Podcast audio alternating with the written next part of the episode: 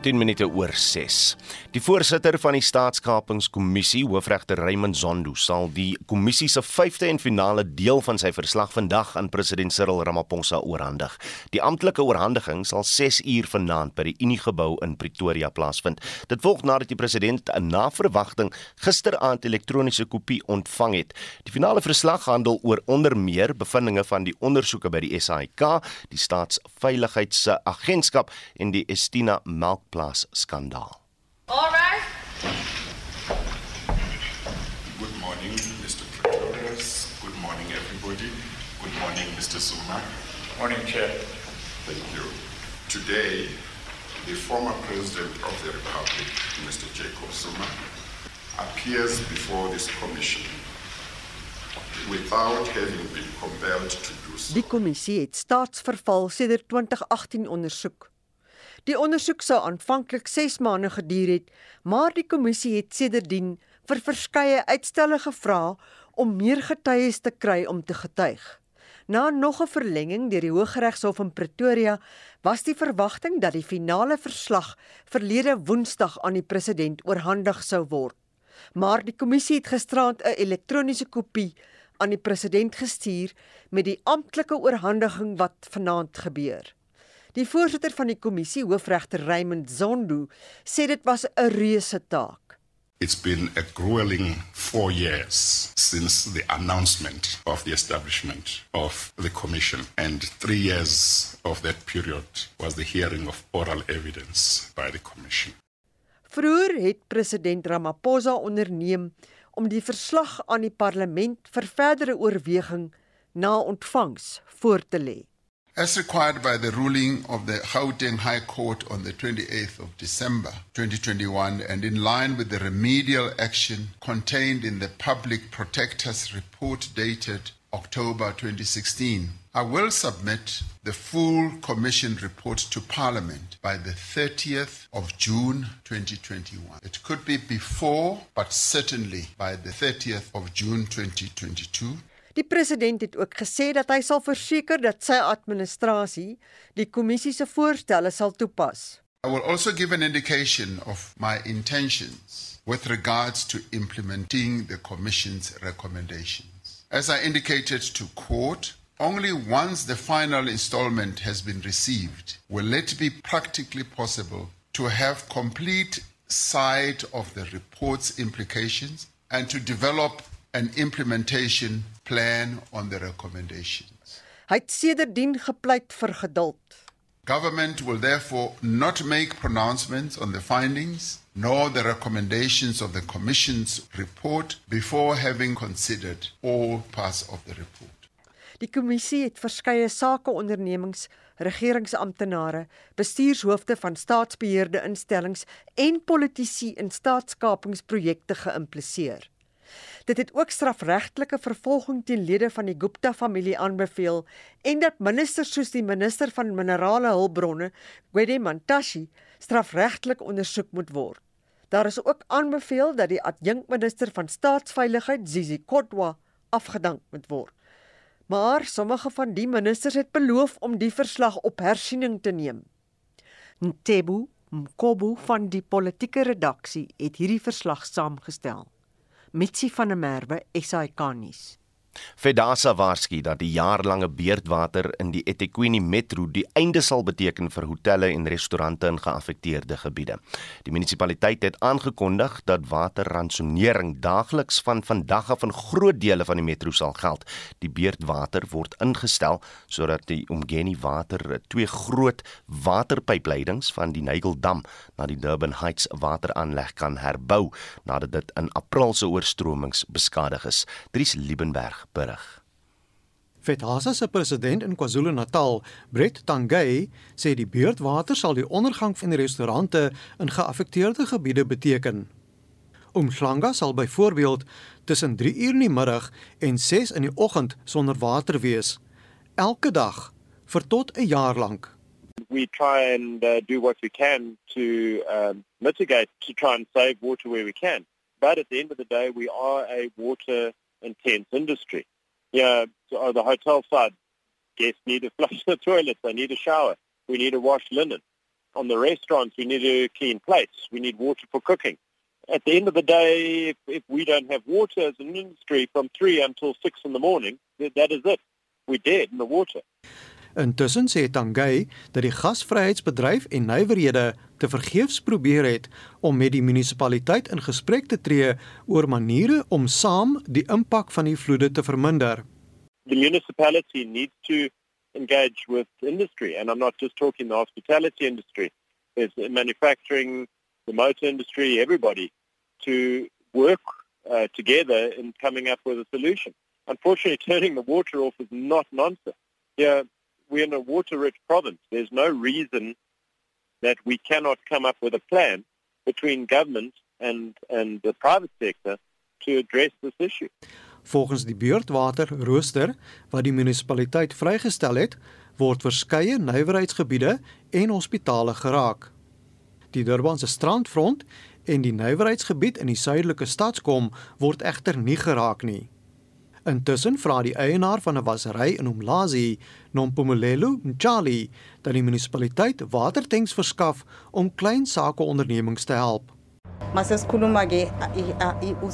She says a day or even a few hours without water for a business like laundry, it will almost cripple it.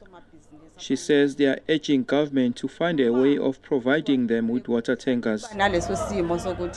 Die eThekwini munisipaliteit kon nie vir kommentaar bereik word nie.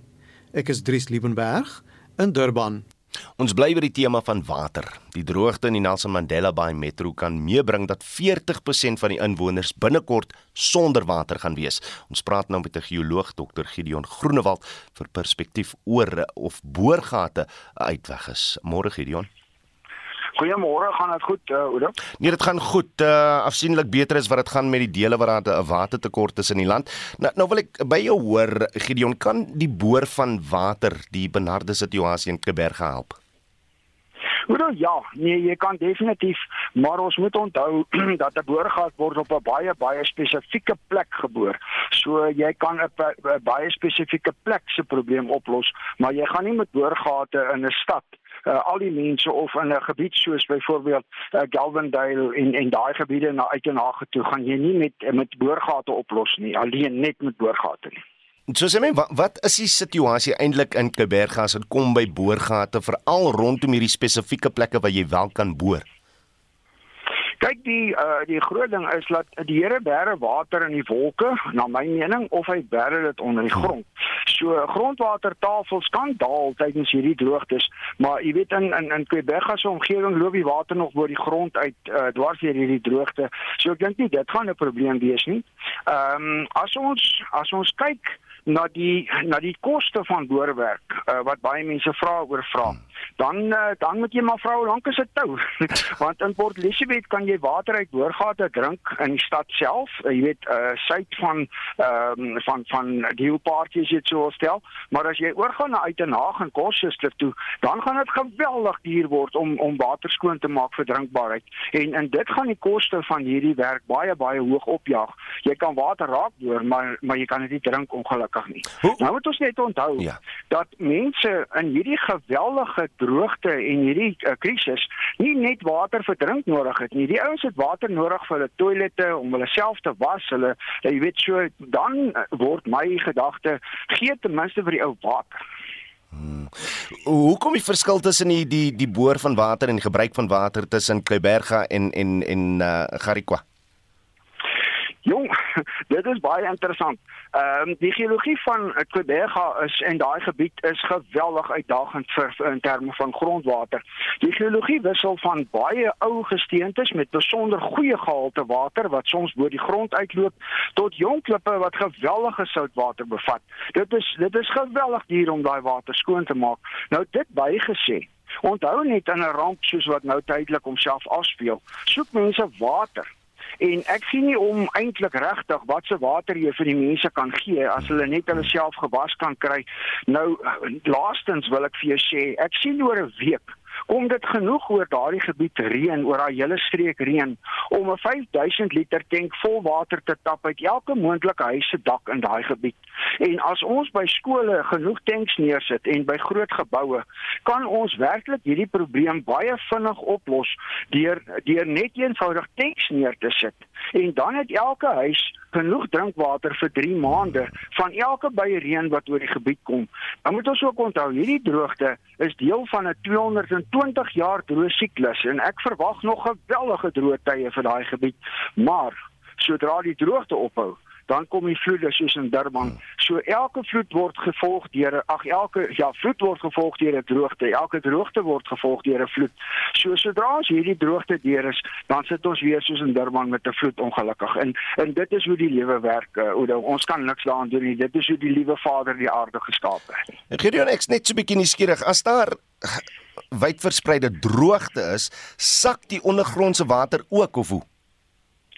Kyk in in in die kudige omgewing gaan die watertafels daal, maar nou moet ons hou dat die, onthou dat die meeste van daai gebied onder die souterige klippe wat nou byvoorbeeld in in Kariga voorkom, lê 'n baie baie baie groot klomp vars water wat van die Winterhoekberge af instroom uh, al uh, in die Kaapse supergroep klippe langs. So die water spuit werklik bo die grond uit. As 'n mens, julle wat uh, Kudige ken, die mense wat die wêreld ken daar by uh, Kariga, sal weet daar's 'n plek met die naam van Amanji waar die water bo die grond uitspuit. Jy weet, uh, Dagama het vars water in die see getap tussen die land en en Bird Eiland wat ingeborrel het in die see in wat hulle dit kon drink. So daar's geweldige vars water onder uh, Port Elizabeth. Maar maar die die die, die groot ding is dat uh, met die met die met die uh, droogte wat so aanhou, uh, gaan hy effens daal, maar ek dink nie ons moet dit in ag neem nie. Die, die daar's geweldig baie grondwater in Port Elizabeth. Nou, dit was 'n geoloog Dr. Gideon Groenewald. Ons bly by die storie in die departement van water en sanitasie in die Oos-Kaap vra inwoners van Kleiberga en omliggende dorpe om te hou by die waterbeperkings. Ons praat nou met die uitvoerende hoof van die Gamtoes Besproeiingsraad, Renet Koleski, om te hoor wat die situasie by die Kouga dam is. Renet, goeiemôre. Kan dit? Nee goed, nee goed. Ek wil net weet wat is die huidige watersituasie daar by julle? Tans is Kouga Dam op 12.72%. Ehm um, ja, en soos jy ook gesê die minister het ons ook nou onlangs besoek. Sê my, hoe is plaaslike landbou dan deur die voortsleepende droogte geraak? Ons is nou uh, in die 5de jaar van droogte. Daar ons het oor tyd erns uh, nogal groot veranderinge gesien in landbou. Ehm um, jy weet aan die begin uh, sien jy dat die die manne minder plant, hulle hulle vervang hulle sitrus, uh, uh hulle vervang hulle kontantgewasse met sitrus omdat dit 'n bietjie meer water-effektief is. Ehm um, ons sien dat te, tegnologies hulle 'n bietjie meer 'n meer gevorderde tipe prosesse sit om besproeiing te doen. Ehm um, ehm um, die die ding wat ons oor die langtermyn gesien het is, is spesifiek dat landboupraktyke verander in terme van wat geplant word. Ons ehm um, melkbedryf onder in Mondplaas het oor tyd amper half ehm um, baie baie verklein omdat hulle 'n water nodig het vir daai veidings om aan te plant en dit het na ander areas geskuif dieselfde met ons uh groentebedryf. So jy die die groot fokus is op die oomblik dat jy maar sitrus sien. Uh jy sien baie grond wat oop lê wat voorheen beplant is. En dan sien jy ook dat um ons so jaar terug ernstige grondwater ontginning gedoen het om 'n bietjie meer watersekerheid te hê vir die landbou Sal die boere nou van hulle water moet prys gee om die inwoners van die metro en ander gebiede te help?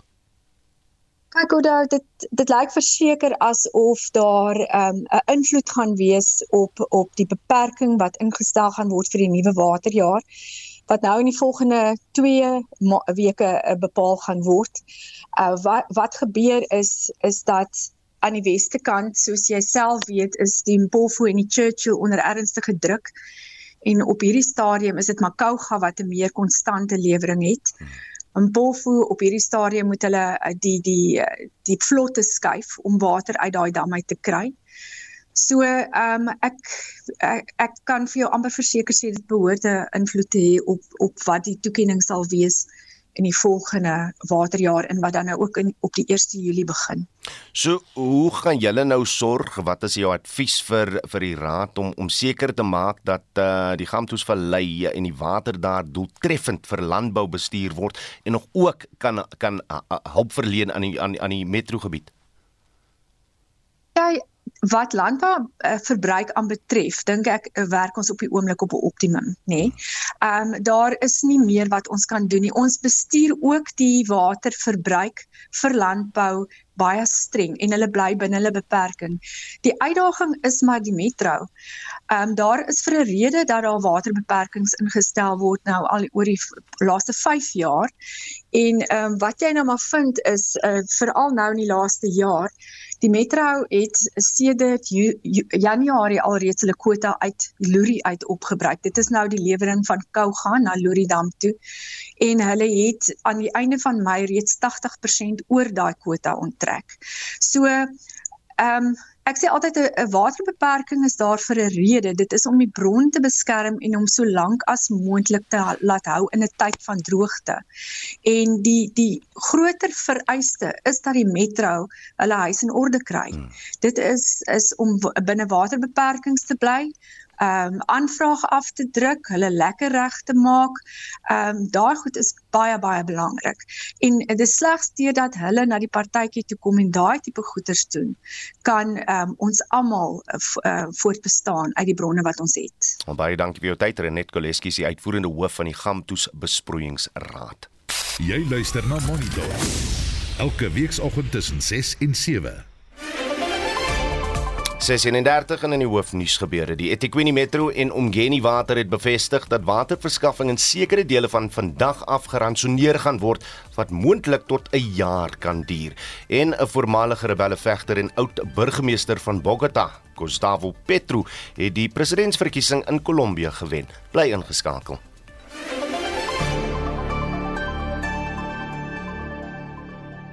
Daar is geen verkeer. In Gauteng in Johannesburg word alle hoofpaaie langs die Ria Vaya busroetes in Soweto deur betogers versper. Busse wat reeds van die depo af vertrek het, moes terugdraai. Ria Vaya se dienste is tans opgeskort.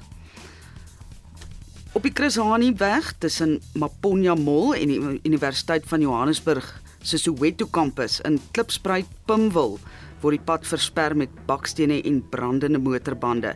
Dis natuurlik weens protesoptredes. Dan is daar padwerk op die R21 Noord net na Olifantsfontein weg en twee bane is gesluit.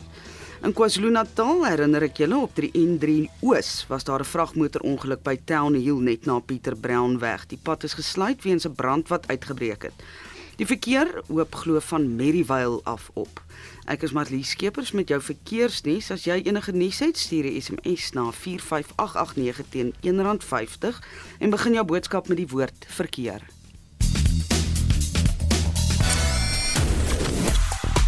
Christo Gawie sit gereed met die naweek se sport. Môre Christo. Goeiemôre Oudo, uh, goeiemôre luisteraars. Groot golf hierdie naweek agter die rug. Absoluut ja, die Amerikaanse golfope MJ Duffy. Hy is die enigste Suid-Afrikaanse speler wat die laaste ronde gemaak het en het gesamentlik in 31ste plek geëindig met 6 oor baansyfer vir die toernooi en Engeland se Matt Fitzpatrick het sy eerste major titel het hy heel bo geëindig met 6 onder baansyfer. En in ander nuus, die 17-jarige Suid-Afrikaanse golfspeler Eldrich Potgieter, hy sal volgende jaar moontlik in die Britse Ope golftoernooi, die Amerikaanse Meesters en die Amerikaanse Ope speel. Dit volg nou nadat hy Saterdag die 127ste Britse amateurkampioenskappe in Engeland gewen het. Die boerling van Mossel Bay en 'n lid van Louis Oosthuizen se Junior Golf Akademie het die toernooi op die 36ste pikkie met 3 en 2 oor Engeland se Sam Bairstow het hy klink. Ja, die mense in Pretoria gaan 'n bietjie moeilik opstaan vanoggend net na die Verenigde Rugby Kampioenskap.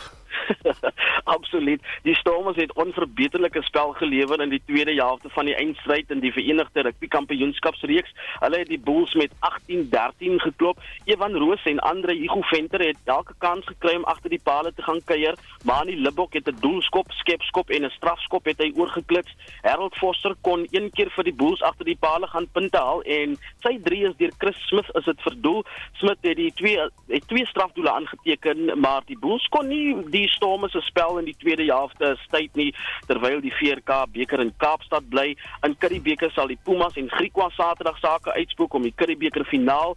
Dit het gebeur die Pumas is hulle is nou deur na die eindstryd nadat hulle die Cheetahs Saterdagmiddag met 38-35 verslaan het. Dis ook die eerste keer dat die Pumas deur is na Curriebeeker eindstryd net soos uh, Griquas. Ja, Curriebeeker uh, finaal in Kimberley. Wat 'n storie is dit? Nee, ek het so uitgesien na die cricket gister, maar ek sien reën uh, die laaste 22 wedstrye tussen Indië en Suid-Afrika in die wiele gery aanhoudende reën Udo in Delhi het gister die 5de en die laaste T20 wedstryd in Indië of tussen Indië en Suid-Afrika in die wiele gery. Die wedstryd het laat begin en het slegs 2 bilbeurte geduur voordat reën uiteindelik gewen het. Indië kon net 28 vir 2 aanteken. Die wedstryd is dus aan afgelas en die reeks het met 2-2 gelykop geëindig. En ek sien Max Verstappen weer in die nuus van hy was boebas in die Kanadese Grand Prix. Die wêreldkampioen renjaer Max Verstappen van die Red Bull span het die Kanadese Grand Prix in Montreal gewen. Uh, Carlos Sainz van Ferrari was tweede en Lewis Hamilton van Mercedes het derde geëindig met sy Britse spanmaat George Russell vierde. Nog 'n Ferrari met Charles Leclerc uh, agter die stuur het in die vyfde plek verby die geryte vlag gejaag en die volgende wedren in vanjaar se reeks is die Britse Grand Prix wat uh, op die 3de Julie begin op Silverstone. En dit was Christo Gawie van ons sportredaksie.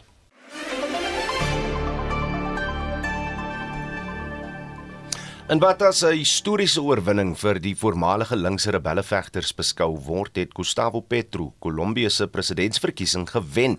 Petro was 'n senator en het uh, teen die regse konstruksiemagnaat Rodolfo Hernandez in die verkiesing gestaan. Esti het vir ons meer besonderhede. Petro het met sowat 51% teenoor 47% van die stemme gewen en Petro wat vroeër 'n tronkstraf uitgedien het vir sy rol in die N19 rebelbeweging, het dit 'n oorwinning vir God en die mense genoem. Dit was sy derde presidensiële veldtog. Hier is die BBC se Katie Watson in die hoofstad Bogota. Gustavo Petro will have a job on his hands trying to win over the conservative elites that have for so long run this country. But I think what this vote shows is the ability for a country like Colombia that has suffered decades of civil conflict, that Colombia can actually turn the page on its past and vote for a new future.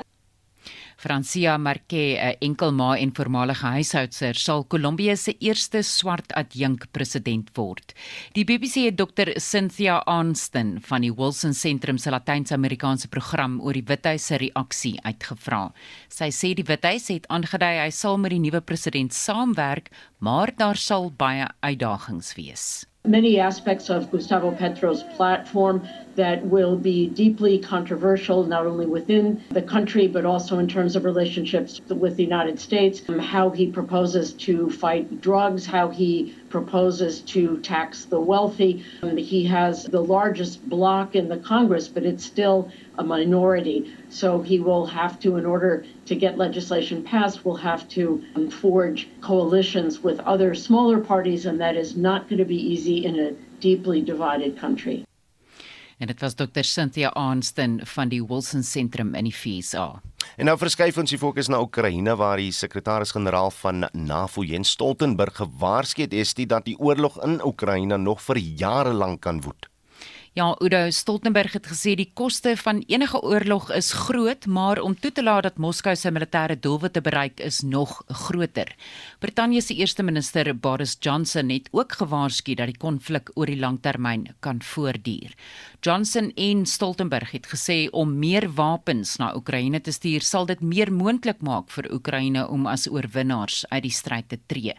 En Stoltenberg het ook gesê hulle moenie hulle moenie nalat eerder om Oekraïne te ondersteun nie. En dit was estie met 'n oorsig van vandag se wêreldnuus. Die tweede ronde van die parlementêre verkiesing in Frankryk is gister gehou. Ons praat nou met die politieke ontleder van die Universiteit van Pretoria, Roland Henwood vir 'n ontleding van die uitslag. Môre Roland. Goeiemôre Udo. So kom ons begin net eers met wat die uitslag was. Ja, die uitslag is baie in lyn met wat verwag is. Ehm um, president Macron se party ehm um, 'n nuwe naam wat hy geskep het, het um, die meeste setels gekry. So dit bly die party met die meeste steun, maar dit is nie meer 'n meerderheidsparty nie. Um, hy het sy meerderheid in die nasionale vergadering prysgegee in hierdie verkiesing. Ehm um, die party wat die naasbeste gedoen het is die Pace party of die sogenaamde linkse koalisie van Jean-Luc Mélenchon, maar ook nie so goed gedoen as verwag nie. Hulle is het het 'n goeie klompie setels, maar nie genoeg om enigsins die politiek te kan beheer of of of um, in 'n bepaalde rigting te stuur nie. En dan interessant, ehm um, die aan die regter punt van die spektrum, die ehm um, party van Marine Le Pen wat tienvoudig gegroei het um, van 8 setels in die nasionale vergadering tot 89. So dis die party wat die meeste gegroei het. Die as mens na die syfers gaan kyk, dan beteken dit dat Macron sit nou met um, 245 setels. Dit is 44 minder as wat hy nodig gehad het vir 'n volstrekte meerderheid. En dan om dit in perspektief te stel, het hy basies van 60% van die setels geval na 40% in die nasionale vergadering. So Macron wat alhoewel hy um onlangs paar weke terug die presidentsverkiesing vir 'n tweede keer gewen het, kon net nie regkry om daai oorwinning om te skakel in ondersteuning vir hom en sy party op die vlak van die wetgewende vergadering nie. So as ons nou net bietjie terug kyk, wat was van die groot drywers vir wat ons nou gesien het in die uitslag van hierdie verkiesing? Een van die groot kwessies was Macron se styl as leier. Ehm um, daar's baie ontevredenheid in Frankryk met hom. Hulle sê hy is so vaardig, hy is diktatoriaal, ehm um, hy het sy meerderheid misbruik en doeteenvoudig net sy wil afgedwing en gedoen wat hy wil doen. En dit het 'n klomp mense van hom vervreem. Maar daar's ook baie praktiese kwessies. Ehm um, baie um, groot ontevredenheid met die um, baie vinnig stygende lewenskoste in Frankryk. Daar's groot ontevredenheid met van die beleidsvoorstelle wat Macron gemaak het. Hy wil byvoorbeeld die aftree ouderdom verhoog van 62 na 65. So so daar's praktiese goed, maar maar daar's direkte ontevredenheid met met hom as leier en met met die met sy hantering van van daaglikse probleme van die Franse en dit hou veral verband met die lewenskoste. En dan natuurlik die kwessie van onsekerheid oor die oorlog wat plaasvind in um, Oekraïne en Rus met Rusland en die onmiddellike en direkte invloed wat dit het op mense, maar ook die vrees vir mense in terme van 'n langtermynbegrip van onveiligheid. As ons kyk na hoe groot die wegbly stem was, het nou gepraat van die ondersteuning wat groei van Marine Le Pen en wat sy te aan te bied het. Hoe verwag jy hier gaan die uitslaa die politieke landskap in Frankryk verander? Ja, interessant dat die die die vlakke van deelname was hoër as in die vorige verkiesing, marginaal, so 3% meer. So dis nie heeltemal so laag as wat dit was nie. Maar wat dit vir 'n mens dui in die toekoms is waarskynlik 'n verdere versplintering in die Franse politiek. Dit lyk asof Frankryk dieselfde tendense as ander Europese state het met geweldige diep verdeeldheid in die politiek. Ehm um, en dit gaan verby beleid, dit gaan verby die persoonlikhede, dit gaan oor mense wat net eenvoudig nie meer kan assosieer met wat die politieke klas bied nie. En dit het natuurlik groot implikasies want Macron is ook een van die belangrike leiers in Europa. So dit het net 'n nasionale impak nie, maar ook 'n kontinentale impak. En veral rondom die onsekerheid oor Duitsland wat altyd gesien is as die leidinggewende rolspeler in die Europese Unie en Macron wat baie sterk ondersteuning gebied het byvoorbeeld aan Angela Merkel. Ehm um, sy is nie meer daar nie. Scholz, die huidige um, kanselier hier het nie dieselfde statuur nie. En en dit skep nog meer onsekerheid in Frankryk ehm um, en in Europa. En dan miskien ook die ander konteks en dit is iets wat al hoe meer weer op die agenda kom en dit is die hantering van Brittanje wat uitgetree het uit die Unie maar geweldige probleme skep in sy verhouding met die Unie. En Macron waarskynlik daar 'n baie belangrike rolspeler, maar hy is dalk nou 'n bietjie verswak. Roland Edward, baie dankie vir jou tyd. Hy's 'n politieke ontleder aan die Universiteit van Pretoria. Vandag is internasionale vlugtelinge dag en vir meer daaroor praat ons nou met Herman Pretorius, die bedryfshoof en stigter van Freedom Advocacy Network. Pretorius is ook betrokke by die Instituut vir Rasseverhoudinge. Môre. Uh, Goeiemôre. Goeiemôre. Dit is dit is goed om by jou te wees hier voor. Lekker om jou op die radio te hê met ons. Hoeveel vlugtelinge is daar vandag wêreldwyd? Weet jy die beste skattings en die beste getalle dui op so 26.6 miljoen, so in die omgewing van 27 miljoen. En dit is 'n astronomiese getal en as mens kyk dat dit sedert 2017 uh regtig nogals met 'n paar honderd duisend elke jaar toegeneem het uh dat ons nou sit waar ons sit natuurlik ek dink die ekonomiese nagevolge van die COVID-19 krisis um gaan waarskynlik in die volgende paar jaar selfs hierdie getal nog noordwaarts stoot. Herman, wat is ons situasie in Suid-Afrika?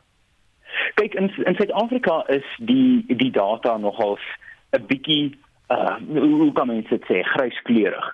Um ons het in 2017 het ons so rondom 90000 vlugtelinge in Suid-Afrika gehad en dit lyk asof ons vandag sit met so om en by 200 000 vlugtelinge.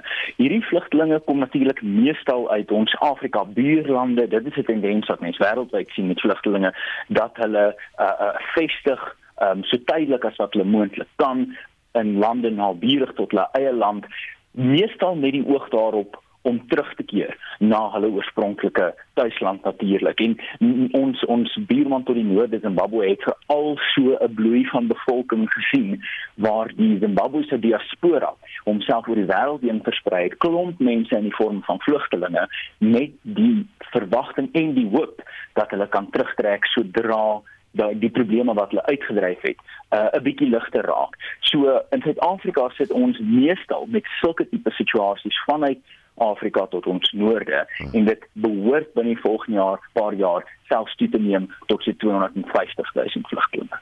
Oekraïne is heeltyd in die nuus en ons weet van die vlugtelinge daar, maar waar is die wêreld se ander vlugtelinge brandpunte op die oomblik? Kyk, die vlugteling brandpunte is werklik daarso waar mense sou verwag dit is.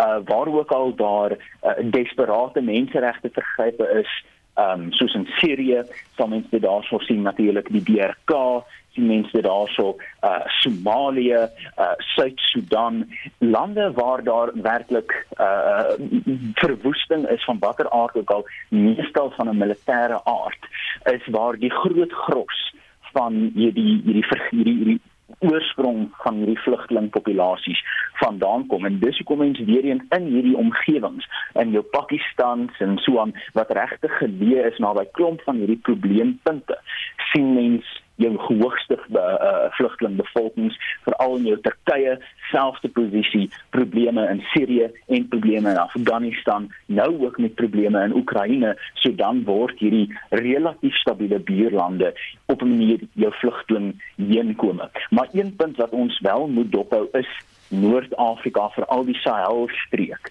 van Mauritanië uh aan die uh die ooste aan die weste kant van die kontinent na Eritrea in die uh ooste kant van die kontinent met die Rooi See. Hmm. Daai strook gaan klimaatsverandering vlugtelinge waarskynlik 'n enorme getal begin word oor die volgende 2-3 dekades. Ja, so 'n interessante neiging daarin. Nou, as dit kom by by oorlogsgebiede uh en en en geweld, ons kan nou nie maklik vrede bewerkstellig nie, maar maar kyk ons daarom goed na ons vlugtelinge. Weet jy dit hang baie af van land tot land. Die die probleem wat mense sien ten opsigte van meningspeilings reg oor die wêreld, het jy 'n ongemaklike toename in antagonistiese gevoel tot alle forme uh van as dit ware buitelanders of nou asielsoekers is of nou vlugtelinge in die volwaardige sin van die woord is of dit nou wettige of onwettige migrasie is. En mense het baie begrip vir hierdie situasie want daar is regtig data om te wys dat die toename in hierdie uh, mense van buite af lei tot die onderdrukking van salariskapasiteit op jou laagste inkomste spektrum. Maar die die die wêreld oor die algemeen is vandag in 'n beter plek om na vlugtelinge om te sien as toe die uh, Verenigde Nasies se hoofkommissaris van vlugtelingsake gestig is na die Tweede Wêreldoorlog. Die menslike hulpbronne uh die die die militêre en sekuriteitshulpbronne, die voedselhulpbronne is regtig vandag in 'n beter toestand. Nou Ek dink hierdie mense wat werk met vlugtelinge, nie kom van die lande wat hierdie hawens is vir hmm. vlugtelinge, is in 'n verloor-verloor situasie. Daar is nie 'n manier eintlik om vlugtelinge volwaardig deel te maak na wense om deel te word van jou samelewing nie want baie van hierdie vlugtelinge wil eenvoudig teruggaan na hulle huis Absoluut. dis hulle hoogste begeerte so ons baie lande kyk goed na hierdie mense maar ons moet bewus wees van die feit dat die klimaatsverandering in die Sahel die ekonomiese druk van COVID-19, die toenemende uh, tik tik tik van militêre aksie, daai probleem gaan opstoot en die publiek se hart gaan verhard. Ons los hom daar Herman Pretorius op internasionale vlugtelingdag. Hy is ons ontleder. Twee rolprentmakers het vir bykans 6 jaar die verhaal van Zephanie Nurse, oftewel Michelle Solomon en haar twee gesinne vervilm. Die dokumentêr Girl Taken word eersdags by die Encounters Internasionale Rolprentfees bekendgestel. Die fees vind van hierdie week af by teaters in Johannesburg en Kaapstad plaas. Een van die twee regisseurs, François Verster, het aan Anne Marie Jansen van Vuren vertel hoekom hulle die rolprent projek aangepak het. Ons het Mona en Celeste Nurse gekontak vroeg in 2016 alreeds en dit het toe om verskeie redes langer gevat om die film te maak. So dit is 'n film wat die storie oor 'n langer periode vertel en ook wat die nadraai van die storie was. Maar net oorspronklik, ek dink as Suid-Afrikaanse dokumentêrmakers, 'n mens soek altyd vir 'n storie wat moontlik internasionale potensiaal het en hierdie was definitief een van hulle gewees as ook 'n storie wat vir my en my mede-redakteur Simon Wood baie interessante vrae gevra het oor die tipe van druk wat iemand soos Lewone Solomon die persoon wat vir Misha gesteel het uit die hospitaal het die tipe keuses wat sy gehad het en die redes hoekom sy sulke keuses sou maak binne 'n spesifieke konteks. So ek dink al daai goeders was vir ons interessant om die film te probeer maak. Julle het nou basies in 2016 begin, soos jy nou gesê het, en ons is nou in 2022. Hoe besluit jy goed vir my as dokumentêre rolprentmaker het hierdie storie nou definitief gestop of is dit maar instink dat jy net op sekere tye weet dit is nog nie nou nie? Ek maak gewoonlik wat sê jy nou noem observational waarnemende uh, op 'n dokumentêr en dis altyd 'n vraag wat mense vra. Die meeste van die tyd werk die storie anderster uit as wat jy verwag het.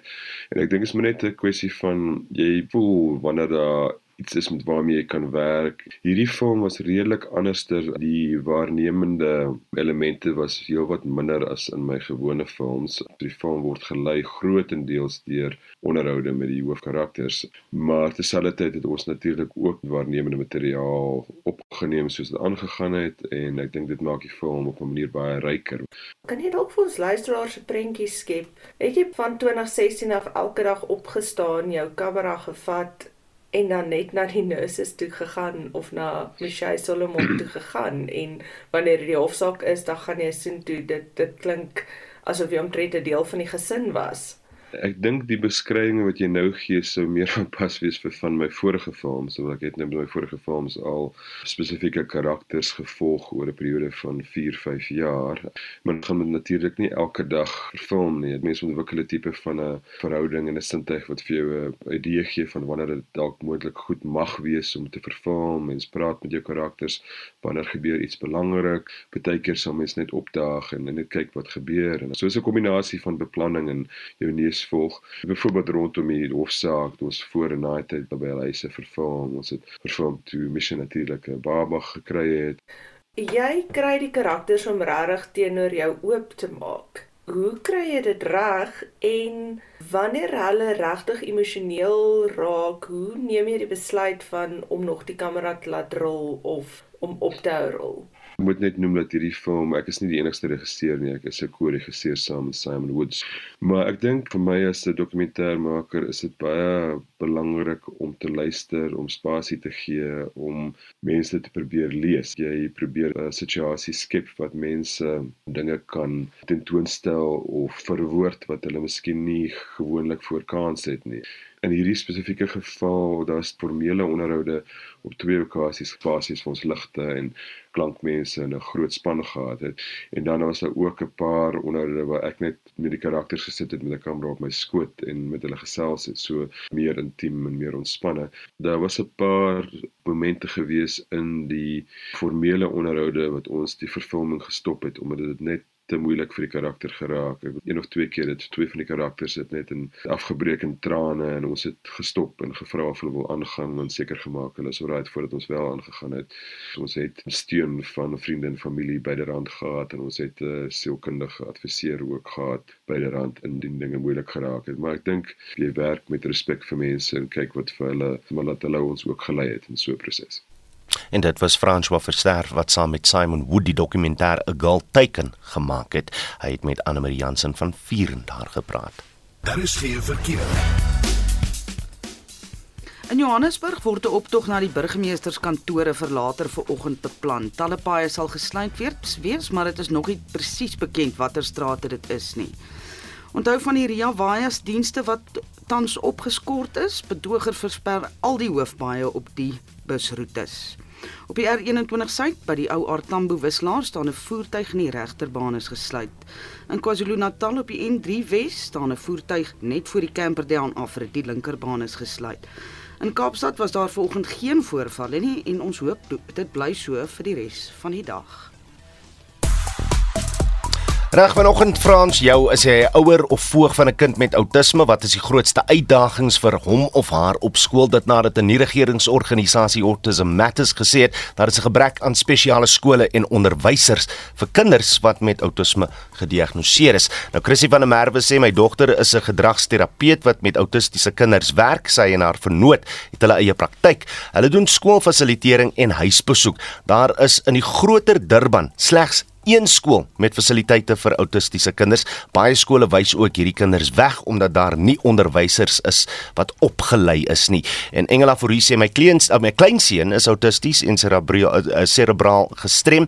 Die grootste uitdaging is egter waar gaan hy heen na hy die spesiale skool waar hy tans is moet verlaat na 2 jaar. Huidige uitdagings is daar is, uh, is nie genoeg wat, wat die departement van onderwys uh, doen nie.